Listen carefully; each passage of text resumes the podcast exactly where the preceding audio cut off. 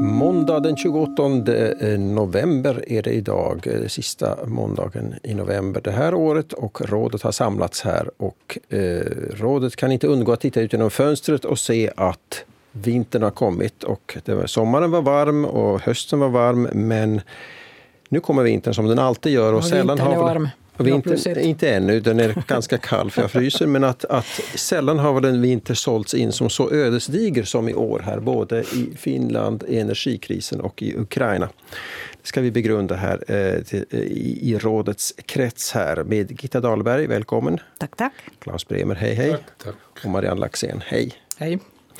Hörni, det här, eh, innan vi tar itu här med, med snöskoveln, så vad, vad, vad, har, vad har vi missat? Vad har vi andra missat här sen vi såg sist? här? Vad har ni hittat något som vi övriga inte vet?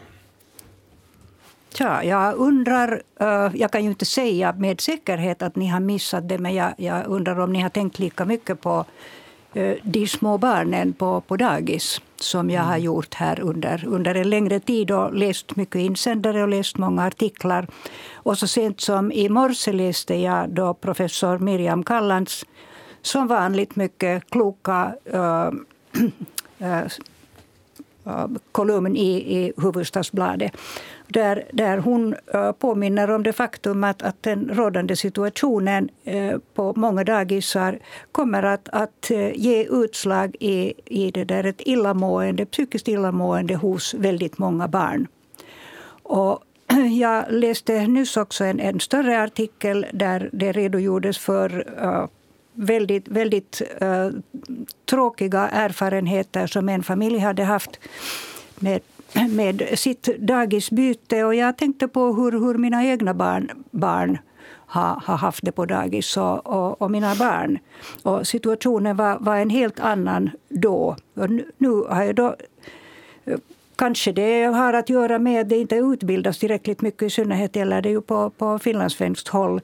Då, personal men, men folk klagar väldigt mycket på till exempel en sådan sak att äh, deras barn säger att, att dagispersonalen, det lönar sig inte att prata med dem för att de hör inte på. De sitter och, och, och knipplar på sin telefon eller på sin äh, lilla datorplatta där på, på dagis. Och, och, och det, det, är nog faktiskt sant. Jag har nog eh, sett det här för, för eh, några år sedan också. Förvånar mig över att eh, personalen hade sina ögon på, på plattan mer än men delvis beror det här nog också på det nya systemet som föräldrarna tycker att, att det är, väldigt viktigt. Att de ska få mer eller mindre online då, rapport om sina barn, vad de gör och hur de gör det. Och det ska vara bilder och sånt här. Men vem ska göra det om inte personalen? Och på vilken tid ska de göra det om inte under, under arbetstid? Så att här har vi liksom en krasch mellan, mellan barnets behov mm. att eh, få uppmärksamhet och föräldrarnas eh, behov av att få veta hur barnen har det. Och här borde man nog definitivt prioritera det, barnen. Vad tycker ni? Är det nu inte en följd, den ena följd av det andra? Det är att, att där, föräldrarna vill ha eh, noggrannare rapporter och, och fortgående rapporter om hur det går för barnen på grund av att de också känner att, att det, där, det inte mera fungerar där i, i, i det där dagisarna på heltid utan det finns liksom avbrott och och vården kanske lite försummar sitt. Ja, jag, jag, jag, jag tror att det å ena sidan beror på den här personalbristen som det är mycket tal om. Å andra sidan så tror jag också att föräldrarna kräver mer nu än vad vi har gjort förut. Vi var ju bara glada för att vi hade, nu talar jag för mig själv, men att vi hade plats för barnen. Men, men nu ställer man ju liksom mycket högre krav både på, på innehållet, vad som ska hända där på dagisarna och hur det händer. Så att eh, här igen kommer vi till den här samma fråga, eller samma svar, att det behövs lite mera pengar. Specifikt är det ju, vad jag har sett, eller vad jag har läst, svårt inom den svenska dagvården i Helsingfors.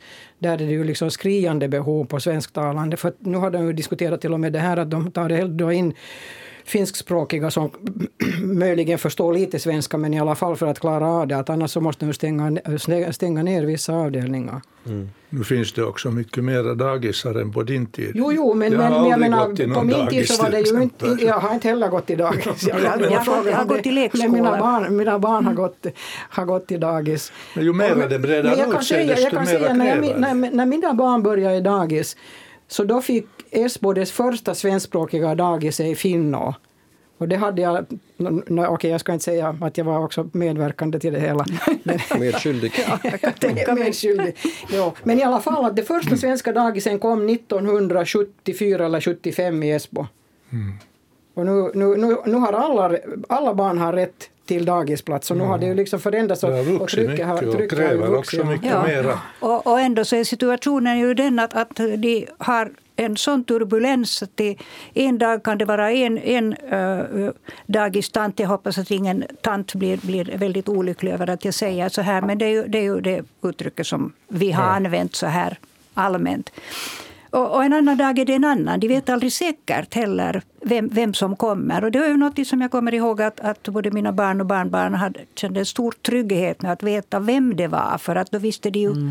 vem de kunde vänja, vända sig till. Och nu för tiden så finns nog allting väldigt inrutat. Och, och, och om de nu inte har lite ansvars, ansvarstanter eh, för, för olika barn. Men det fungerar ju inte om de inte är där. Får jag fråga en alldeles stendum fråga så här från ett manligt perspektiv. Eh, med alla våra kvinnliga invandrare som finns. Om man försöker placera dem nu som vårdare och sjuksköterskor, vilket kräver ganska mycket fackligt kunnande. Kan det vara omöjligt att få in sådana eh, barnvårdare i dagisar som jollrar och har sig och skojar med barnen fast de inte direkt kan finska eller svenska? Jag menar barnen är ju så oförbehållningslösa och älskar vem som helst som är trevlig. Du, du, har kanske, du har kanske inte märkt Klaus att det faktiskt det pågår ett sådant här projekt i Helsingfors på, mm. på Arbis så ja, håller de på då och, och snabbutbildar liksom, alltså i, i mm. svenska Eh, eh, ukrainska barndagvårdare och, och, och barnsköterskor mm. och, och, sånt. För att, och de är redan ute och praktiserar i svenska dagisar. Och det här tycker jag är ett jätte, jättefint projekt mm. som, som jag applåderar. Utan det Nej, men det, det, det råkar nog vara det här. Är lika gulliga alltid tycker jag. No, det finns mammor som inte alls är gulliga men det hör egentligen de flesta, de flesta jag ska säga Nu handlar det ju om dem som har, har, känner att de har lust att jobba ja. med, med barn och, och det borde man ju förstås applådera och, och understödja det på på, på alla sätt. Nu, nu har vi ju väldigt stora krav på uh, utbildningen. Ja, på, ja. på den, det hade man ju inte tidigare på, på samma sätt. Det kanske har att göra med till vilken ålder man anpassar de här vårdarna. Att jag menar, ta nu de allra yngsta årgångarna så där kan det nu inte finnas något annat än en viss kärlek. Och, och... Ja, men nu, nu, språket betyder ju redan mycket från början så att om du, om du inte kan tala språket så, så jag menar, du, du kan ju inte ha ett barn på dagis och ha en människa som talar ett annat språk än, än modersmål eller det mål som man talar i familjen. Det, jag är det, inte riktigt lite... säker på det där. Som tvååring är barn allra mest är mottagliga för nya språk. Och det kan vara bra för deras öron att lära sig att man kan säga en och en sak på många olika sätt och det kan ha många olika namn. Jag tror inte alls att det men kan då måste, då måste familjen ha rätt att välja det också. Familjen, jag var med i en debatt om det här i mm. riksdagen där det steg den ena damen efter den andra från kvinnonätverket och sa att, att det finska barnet är annorlunda än alla andra barn. Ja, det, det finska barnet kan bara lära sig två språk och då måste det vara finska och engelska. No, ja, det, det, det, det, är en sorglig inställning till det, till det unga finska folket. Vi får se här om det här leder till att en uppgång av ukrainskfärdigheterna bland unga finlandssvenskar framöver. Det återstår att se ännu. Ja. Det hade vi missat, att det fanns ett samband mellan problem på dagis och det här att föräldrarna vill veta i realtid när det byggs lega och när det leks i mm, sandlådan. Ja. Tack eh, Gita Dahlberg. Claes eh, Bremer, vad har, vad har vi missat som, ja, från din horisont? Jag tar avstamp från statsdirektör Vartiainens fantastiska artikel varför, eh, kolumn i Husis förra torsdagen Varför släpar Finland efter övriga Norden? Det tänkte jag först börja snacka om. Det har att mm. göra med fackföreningsrörelsen ganska mycket.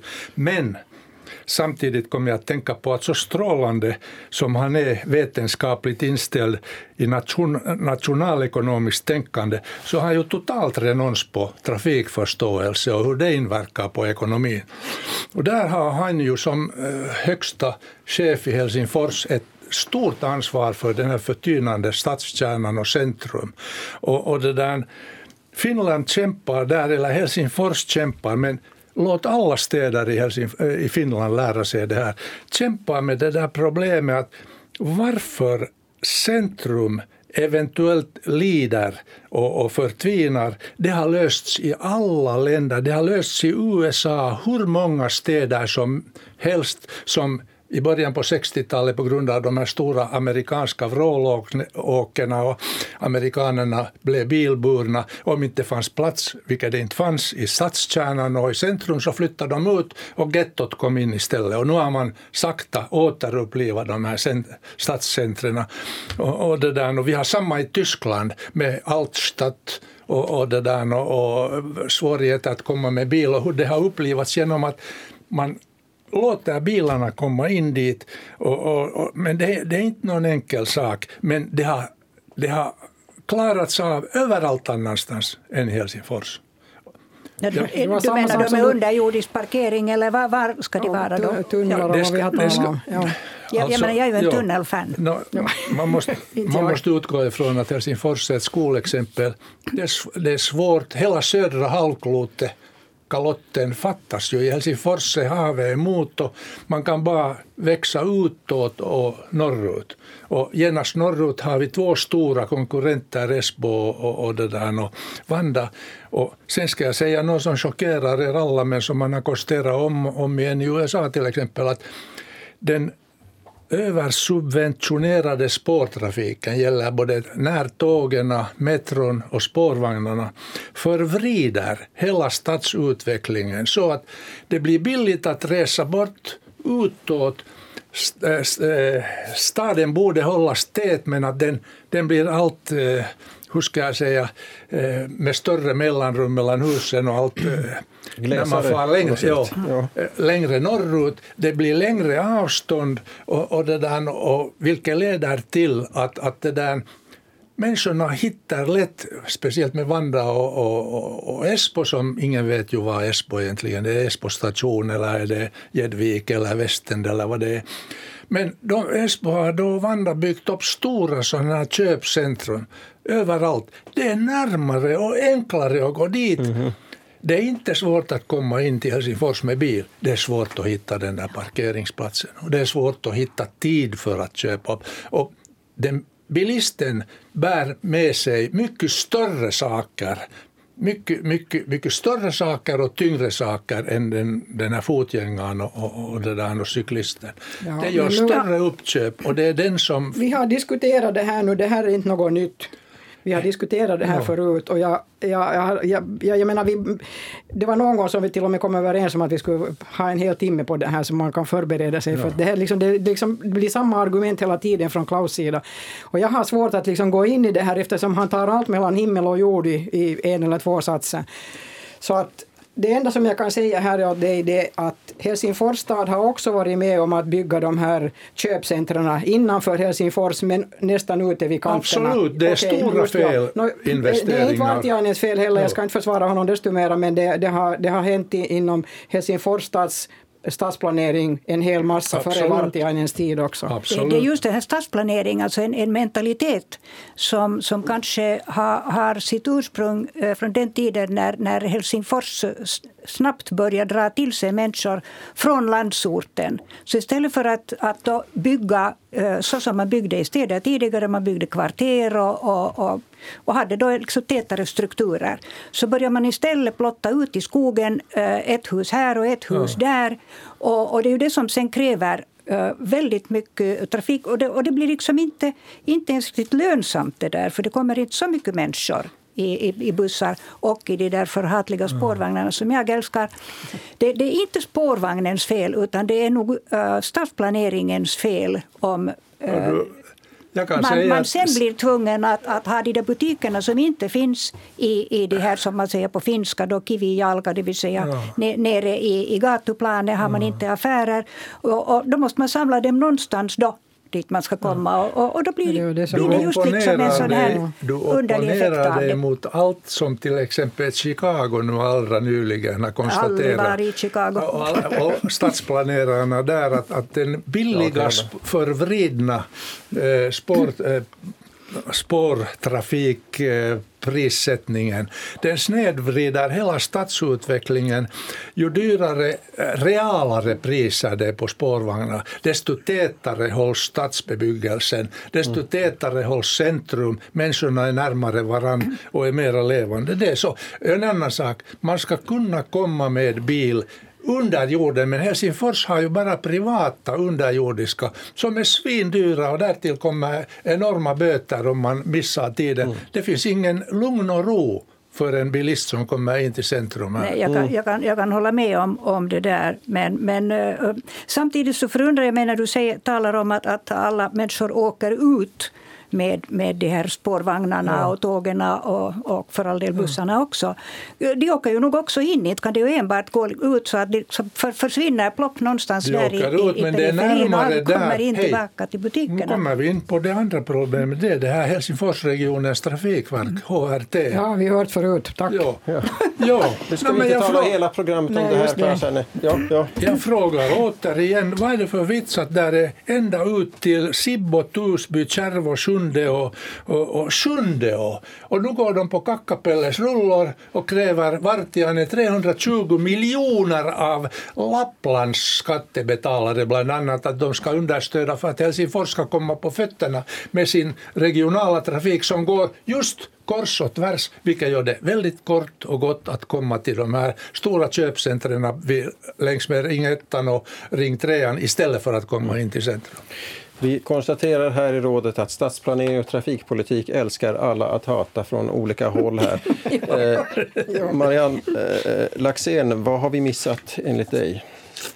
Det, om jag nu får säga det så tycker jag att det är en sak som är otroligt viktig och det är frågan om eh, Finlands NATO-anslutning. Och det vet jag, om, inte, jag vet inte om, om ni andra har, har sett det, men, men regeringen har ju haft ett utkast till, eller har, har haft på remiss ett utkast till en regeringsproposition om hur Finland ska ansluta sig till NATO-avtalet. Och det var möjligt, och det tycker jag är jättebra, det var möjligt också för vanliga medborgare och organisationer att ge, eller komma med en åsikt till den här, till den här propositionen. Uh, deadline var 23 11. Och jag, jag bland annat eh, hör till en förening, den här Women's International League for Peace and Freedom, som har gett ett utlåtande i den här frågan. Och jag tittar också på, på, på den här listan här. 1591 organisationer och medborgare hade varit aktiva. Och det som egentligen, nej, jag, jag har ju inte läst alla de här, men, men som har varit liksom kanske genomgående i många av de här uttalandena är det att, att man i princip var av den åsikten att Finland inte borde ansluta sig till Nato. Men alla, de flesta i alla fall som gav sina utlåtanden konstaterade att det kommer ju ändå att vara på det sättet att vi ansluter oss eftersom vi har sett liksom hela den här politiska processen här nu. Men sen så var det många av de här de här som, eh, som skrev uttalande som då tog fasta på den här eh, frågan och diskussionen om, om Finland och kärnvapen. Som jag ärligt talat också tycker att det är otroligt viktigt. Och där, där var det också bland annat Wilf uttalade sig då också att, att, eh, att vi, borde, eh, vi borde konstatera att kärnvapen inte kan tillåtas på finsk mark. Och att också då understryka att vi har en, vi har en eh, vad heter det, en kärnenergilag och strafflagen förbjuder ju kärnbränsle på, på finsk mark. Så att det, liksom, det här borde man ta fasta på. Och det har ju varit en liten diskussion eh, också före, före det här remissutlåtandena så, så har det varit en kort diskussion där, där, där både Sanna Marin och, och president Niinistö har uttalat sig i den här frågan. Och Niinistö försökte väl lugna ner lite den här debatten och säga att det finns ingen, det finns ingen som, som försöker äh, tvinga kärnvapen på Finland eller en sån som har erbjudit det och att, att det jag kommer inte ihåg hur han uttalade sig, men han sa väl något liknande att, att det är mycket otrovärdigt att, att Finland skulle ta emot. Men det här är det som jag har funderat på som, som har inspirerat mig till att, eh, till att ta upp det. Men till det här så måste jag tillägga en sak som, som egentligen inte, eh, inte så många har heller fäst uppmärksamhet vid och det är det att i FNs eh, en kommitté, var det nu kommitté nummer ett, så eh, hade de hade ett möte, eh, de sitter ju flera veckor, där, där det var frågan om en resolution som uttalar sig emot kärnvapen. Eller nej, utan resolutionen var för att man skulle skriva undan det här kärnvapenförbudsavtalet. Mm. Sverige och Finland har hittills röstat blankt i den här frågan och nu röstar de emot. Det har du berättat det, jag, jag, jag sa det förra gången, men jag vill bara understryka det här nu ännu en gång att, att det, det, här är liksom en sak där, där Finland och Sverige, och nu talar jag främst om Finland, Finland har ändrat politik men egentligen så har ingen, har ingen liksom fäst uppmärksamhet vid det. Vi hade Fredsförbundets höstmöte här på på lördag, söndag. Och där hade vi en representant från, uh, från utrikesministeriet. Jag frågade honom att, innebär det här nu att Sverige och Finland har aktivt gått in för att förändra sin, sin politik? Och han sa att, och han, ändå var, han var en högt uppsatt tjänsteman, han sa att, att han måste gå tillbaka och kolla det här. Mm. Och jag, vill, jag hoppas att han, om han kollar och det säger åt mig så ska jag komma tillbaka också överraskande att tjänstemannen inte vet det. Utan Precis, kanske sådär, ja. Så att, ja, ja. Detta om, om saker som vi har missat här i rådet denna måndag den 25 eh, november. Jag vet inte varför jag är på väg att säga fel månad hela tiden. Det är säkert har du julstämning redan? Eller? Antagligen, ja. Mina barn ligger på väldigt hårt. Uh, ja, vårt ämne för dagen är vintern sen. Nu byter vi till ämne här i rådet. Och uh, Snön faller och granaterna faller i Ukraina och Eh, journalisten Anna-Lena Laurén uppmanar oss att vi skickar inte vinterkläder till Ukraina, för det har de. Mm. Så när du städar ut din garderob, dumpa inte ditt, dina gamla stövlar dit utan de donerar pengar till en hjälporganisation. Det behöver de mera. Sådär, så att, vad tänker Syst. ni om vintern? Den, ska ju, den hotar oss både ur energisynpunkt men kanske också ur krigssynpunkt och allting. Vad tänker ni?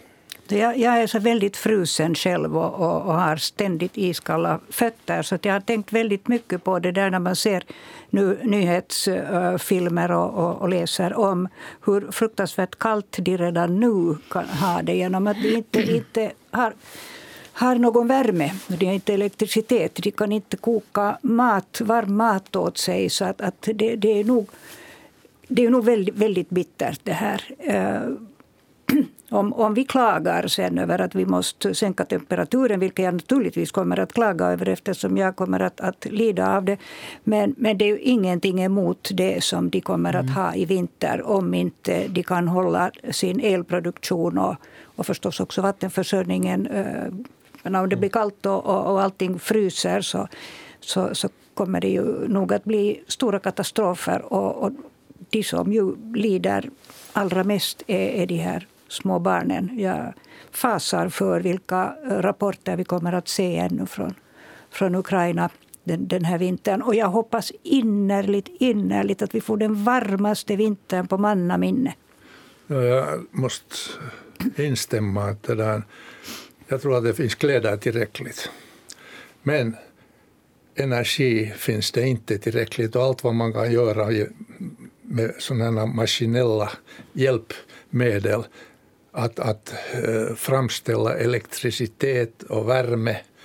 Och en annan sak är säkert vatten. Jag vet inte hur man ska kunna hjälpa dem med friskt vatten men eh, på, i många sådana nyhetsrapporter har det kommit fram att det finns inte rent vatten.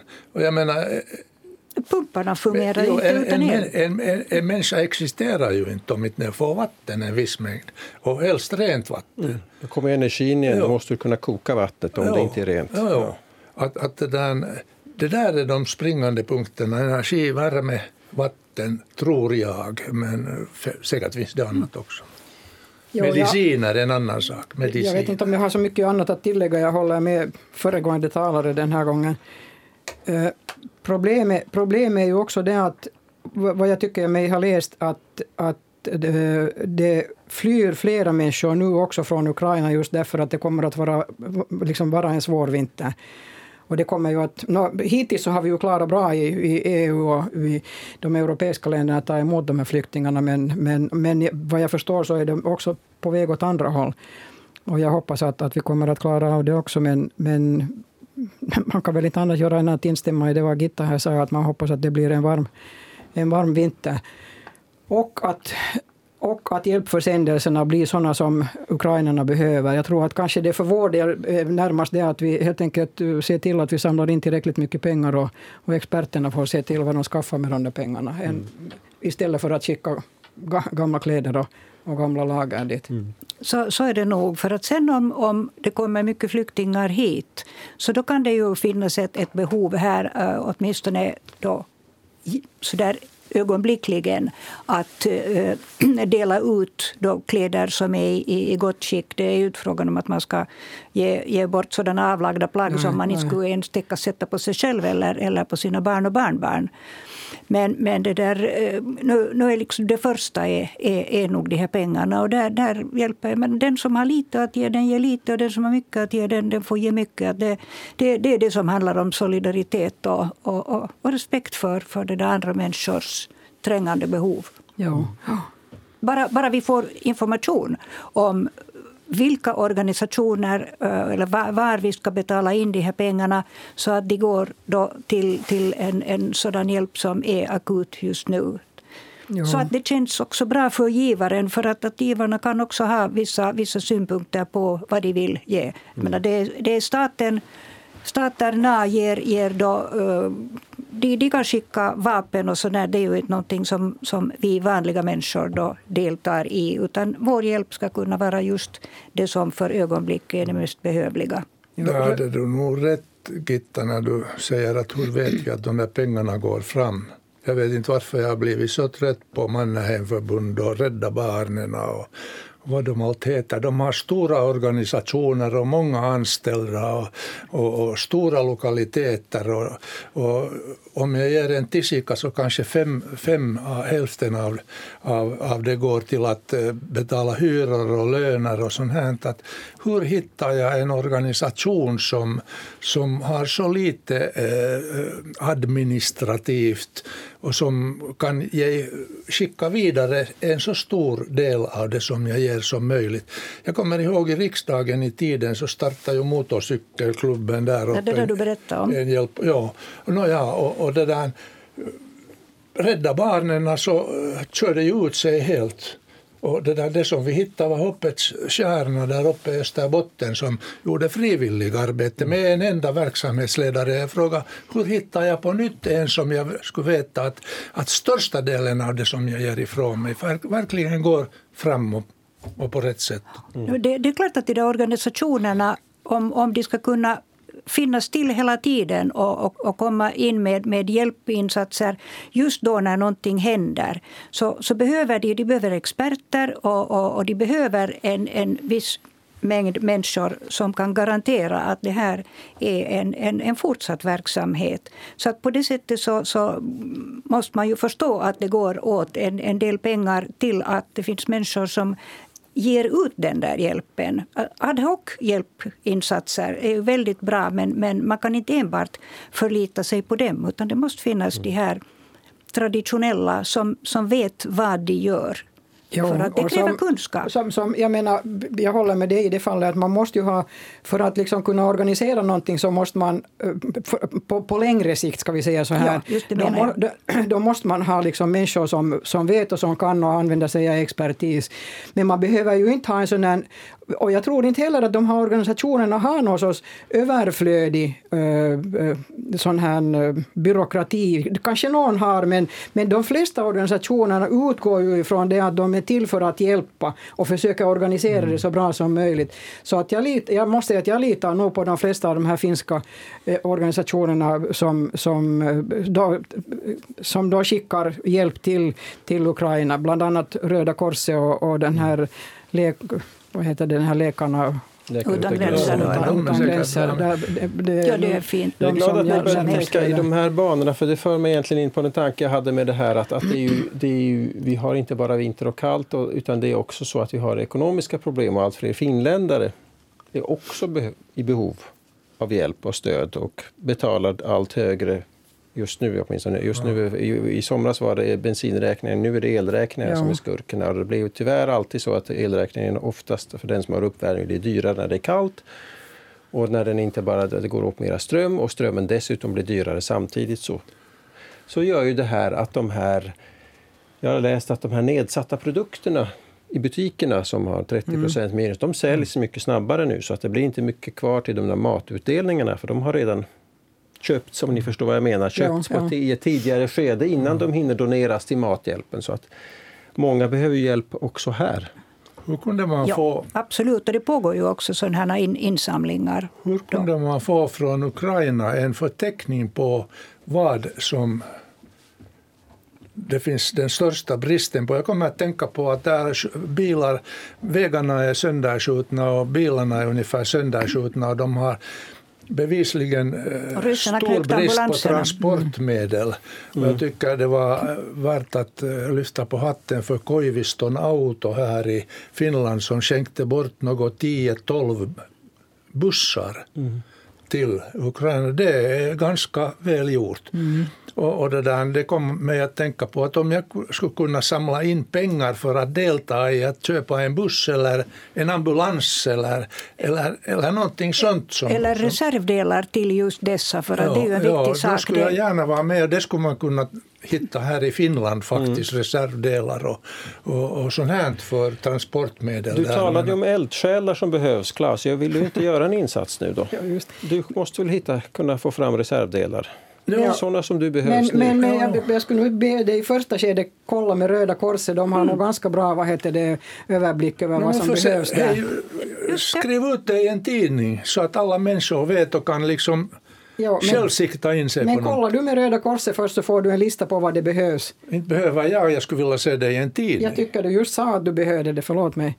Jo, ja, men jag tycker att alla andra skulle behöva det också. Jag har många kajpare som, som tänker på samma sätt att, att det som de ger, att det skulle gå till rätt ändamål och kunna skickas dit så att det faktiskt hundraprocentigt är där, därför är det ju väldigt bra att kolla upp först med dem som har de här kontakterna på, på ort och ställe och, och, och som har också den, den här kunskapen. Och sen, sen kan man ju, men det är ingenting som hindrar, man kan skriva en, en insändare i Helsingin Sanomat och, och, och ringa till chefredaktören först och säga att det här är nu en jätteviktig sak, att please, please, please sätt in den här. Och, och, och få ut det då till till människor. Och det behöver inte vara Helsingin Sanomat, det går med Iltalehti och Ilta Sanomat och, och alla de där Det andra går, också. bättre, det går bättre i Hufvudstadsbladet, där har du en möjlighet att Men- få det igenom. I Men vi, får, vi nog- når inte lika många Nej. Nå, nej. genom att sätta det i Det här, Hufvudstadsbladet. här, när vi talar om det här så, så nämnde jag här ambulans. Och ju mer jag tänker på ambulans och all den utrustning den har så tror jag att varenda ambulans de kan få så är tack så mycket, verkligen. Men jag har för mig, Eh. jag tycker mig ha läst någonstans att det har skickats ambulanser Ja. och att man samlar in specifikt för det. Så att det, det finns nog folk som vet mer än vi misstänker Där kan jag. vi säga Ja, ännu skolning, skolning direkt i ambulansyrket. Jag menar inte bara föraryrket utan Utan första, uh, Första första, hjälp. vårdare är det väl Ja, det heter. ja, ja. Det, är- det är en lite längre uh, utbildning så att det går kanske inte så där lättvindigt men, men det där det är ju i och för sig inte en, en dålig idé alls. inte behöver man gå till till någon lång utbildning. Bara man får lära sig första hjälp och konstgjord andning så kan man börja med det. Ja, men det, det, det, det krävs nog i en krigssituation så krävs det hemskt mycket mer för att, att lemlästade människor och, och annars också svårt, svårt skadade så de kräver ett väldigt eh, mycket större kunnande. Jag har hört att varenda en som har, har invalidiserats eller skadats i kriget, det enda den tänker på att någon, vem som helst kommer Ja, men och gör sen, vad den kan. Ja. sen, sen om den inte vet vad den ska göra när den kommer så, så, det är inte så är det ju, kan den inte göra Men så mycket annat än, en än be Fader vår Okej, tillsammans okej, med den som har... Okej, men ska vi dra slutsatsen nu av det här att Klaus börjar organisera sig? Ring först till Röda Korset och kolla vad de har och vad de har för behov. Sen skriver Nej, du en insändare. Det, det här meddelandet går ut via, via riksradion och säger åt alla att hej, ta reda på det här. Skriv ut någonstans. Det, går, det här går både till Röda Korset och bara Rädda Barnen och alla. Du måste ta koll, ja. Det, jag är säker på att alla lyssnar på Östslag på den här sändningen. Det, det, gör de säkert. Så att, noterade ni, jag försökte också höra vad, vad, ni tycker om hjälpbehov här hemma men ni fortsatte här väldigt intensivt att diskutera Ukraina. Tycker ni att det är viktigare med Ukraina än, än Nej, du kan inte sätta det i ordningsföljd men jag tror att vi har lättare kanske att, att, att klara av det här hemmaproblemet eftersom vi också har en regering som tar ansvar för det. Och det här nu när det gäller, när det gäller den här hjälpen till Ukraina så är det mer eller mindre, inte mer eller mindre, men det är mycket också på medborgarnas frivillighet. Och sen så har vi ett jättebra sätt att samla in också för, för, för eh, befolkningen eller för de fattigare i, i Finland så är bland annat den här eh, Frälsningsarméns insamlingar som man har till julen som jag tycker att är jättepositiva också. Och sen, sen pågår det ju också insamlingar som, som uh, det kan komma in i telefon också en sån här uh, julinsamling där man då kan ge in. Där måste man ju bara nog lite kolla att det inte är, är något lurendrejeri med det där om man ska betala in pengar. Men också de här stora andra organisationerna så har ju också sina insamlingar för, Brukar för ni just alla de här... ge, ge till insamling? Brukar Jo, ni ge? jag- Till insamling, absolut. Jag, har- ja. jag har många på gång. Jag, har, jag är flera, flera sådana månadsgivare. Men sen så får jag just telefonledes också. Bland annat UN Women brukar skicka telefonledes och då, då brukar jag nu för det mesta. Men jag gör inte heller på det sättet att telefonledes ger jag inte till någon organisation som inte jag känner till. Mm, så bara det. till de här större som jag, som jag litar på. Ja, men nu, det, där, det som media kan göra är att eh, konstatera att vi har det jättebra i Finland ändå. Men det finns de som har det vintern. väldigt, det, väldigt dåligt. Det, det, det är liksom verkligen kommer an på en vara av oss att nu ge ifrån oss allt det va- vad vi kan. Och där tror jag framför allt det är väl pengar det som Mm, ja, det är tror jag också. Det, jag hoppas att alla mina vänner som verkligen har råd att ge mycket skulle ge mycket. Då hoppas vi att alla Sen, lyssnar så, nu men sen också. kan vi också göra på det sättet att vi, när vi delar ut julklappar så delar vi inte mer åt barn och barnbarn utan vi delar ut dem åt de här eh, ukrainska barnen. Det finns också den möjligheten och sen meddelar vi bara åt våra barnbarn att nu har jag skänkat dit och dit. Jag har gjort förut i den här kyrkans eh, julhjälp på det sättet. Vad bra, Marianne. Du blev just utnämnd av oss till den som organiserar. Just, jag, jag utnämnde just dig för en stund. Jag, insamlingen till ukrainska barn. Så jag, kom, jag konstaterar att i familjen Laxén så kommer tomten och meddelar att det var julklapparna for till Ukraina i år. Familjen Laxén har ingen tomte, eller jag, jag är inte den tomten, men så att, så att eh, det har de, jag menar, det har de, det har de hört förut också, det har gått till, till afrikanska barn så att eh, de är vana vid det här. Att de inte får något här, just det. Men jag, jag tror nog att i, i dagarna så kommer nog nästan alla att nås per, eh, per post eller, eller per eh, annonser i tidningen eller, eller någonting sånt om olika sådana här Ja, insamlingar. jag så att, att om vi inte blundar och, och stänger öronen så tror jag nog att vi får reda på var vi kan sätta Ja, in då ja. vår del så att, att åtminstone, åtminstone barnfamiljerna kan få en, en glad jul. Det, det må nu sen vara en enda julklapp men, men också den är, är viktig. Och lite julmat och värme. Ja, fridfull jul hellre än glad jul. Nu var det inte bara jag som började ta fel på månaden. Nu låter ni som det är julafton imorgon här. Men det är det inte alls, utan det är ett rådet kvar före jul, nämligen exakt om två veckor. Och då ses vi här igen. Jag hoppas inte Gitta Dahlberg behöver frysa allt för mycket fram till dess. Men välkommen tillbaka då. Tack för idag. Tack Klaus Bremer och Marianne Laxén. Tack. Tack. Tack. Jag som fungerar som rådets ständiga sekreterare är Stefan Winiger. Tack för att ni lyssnade. Hej då.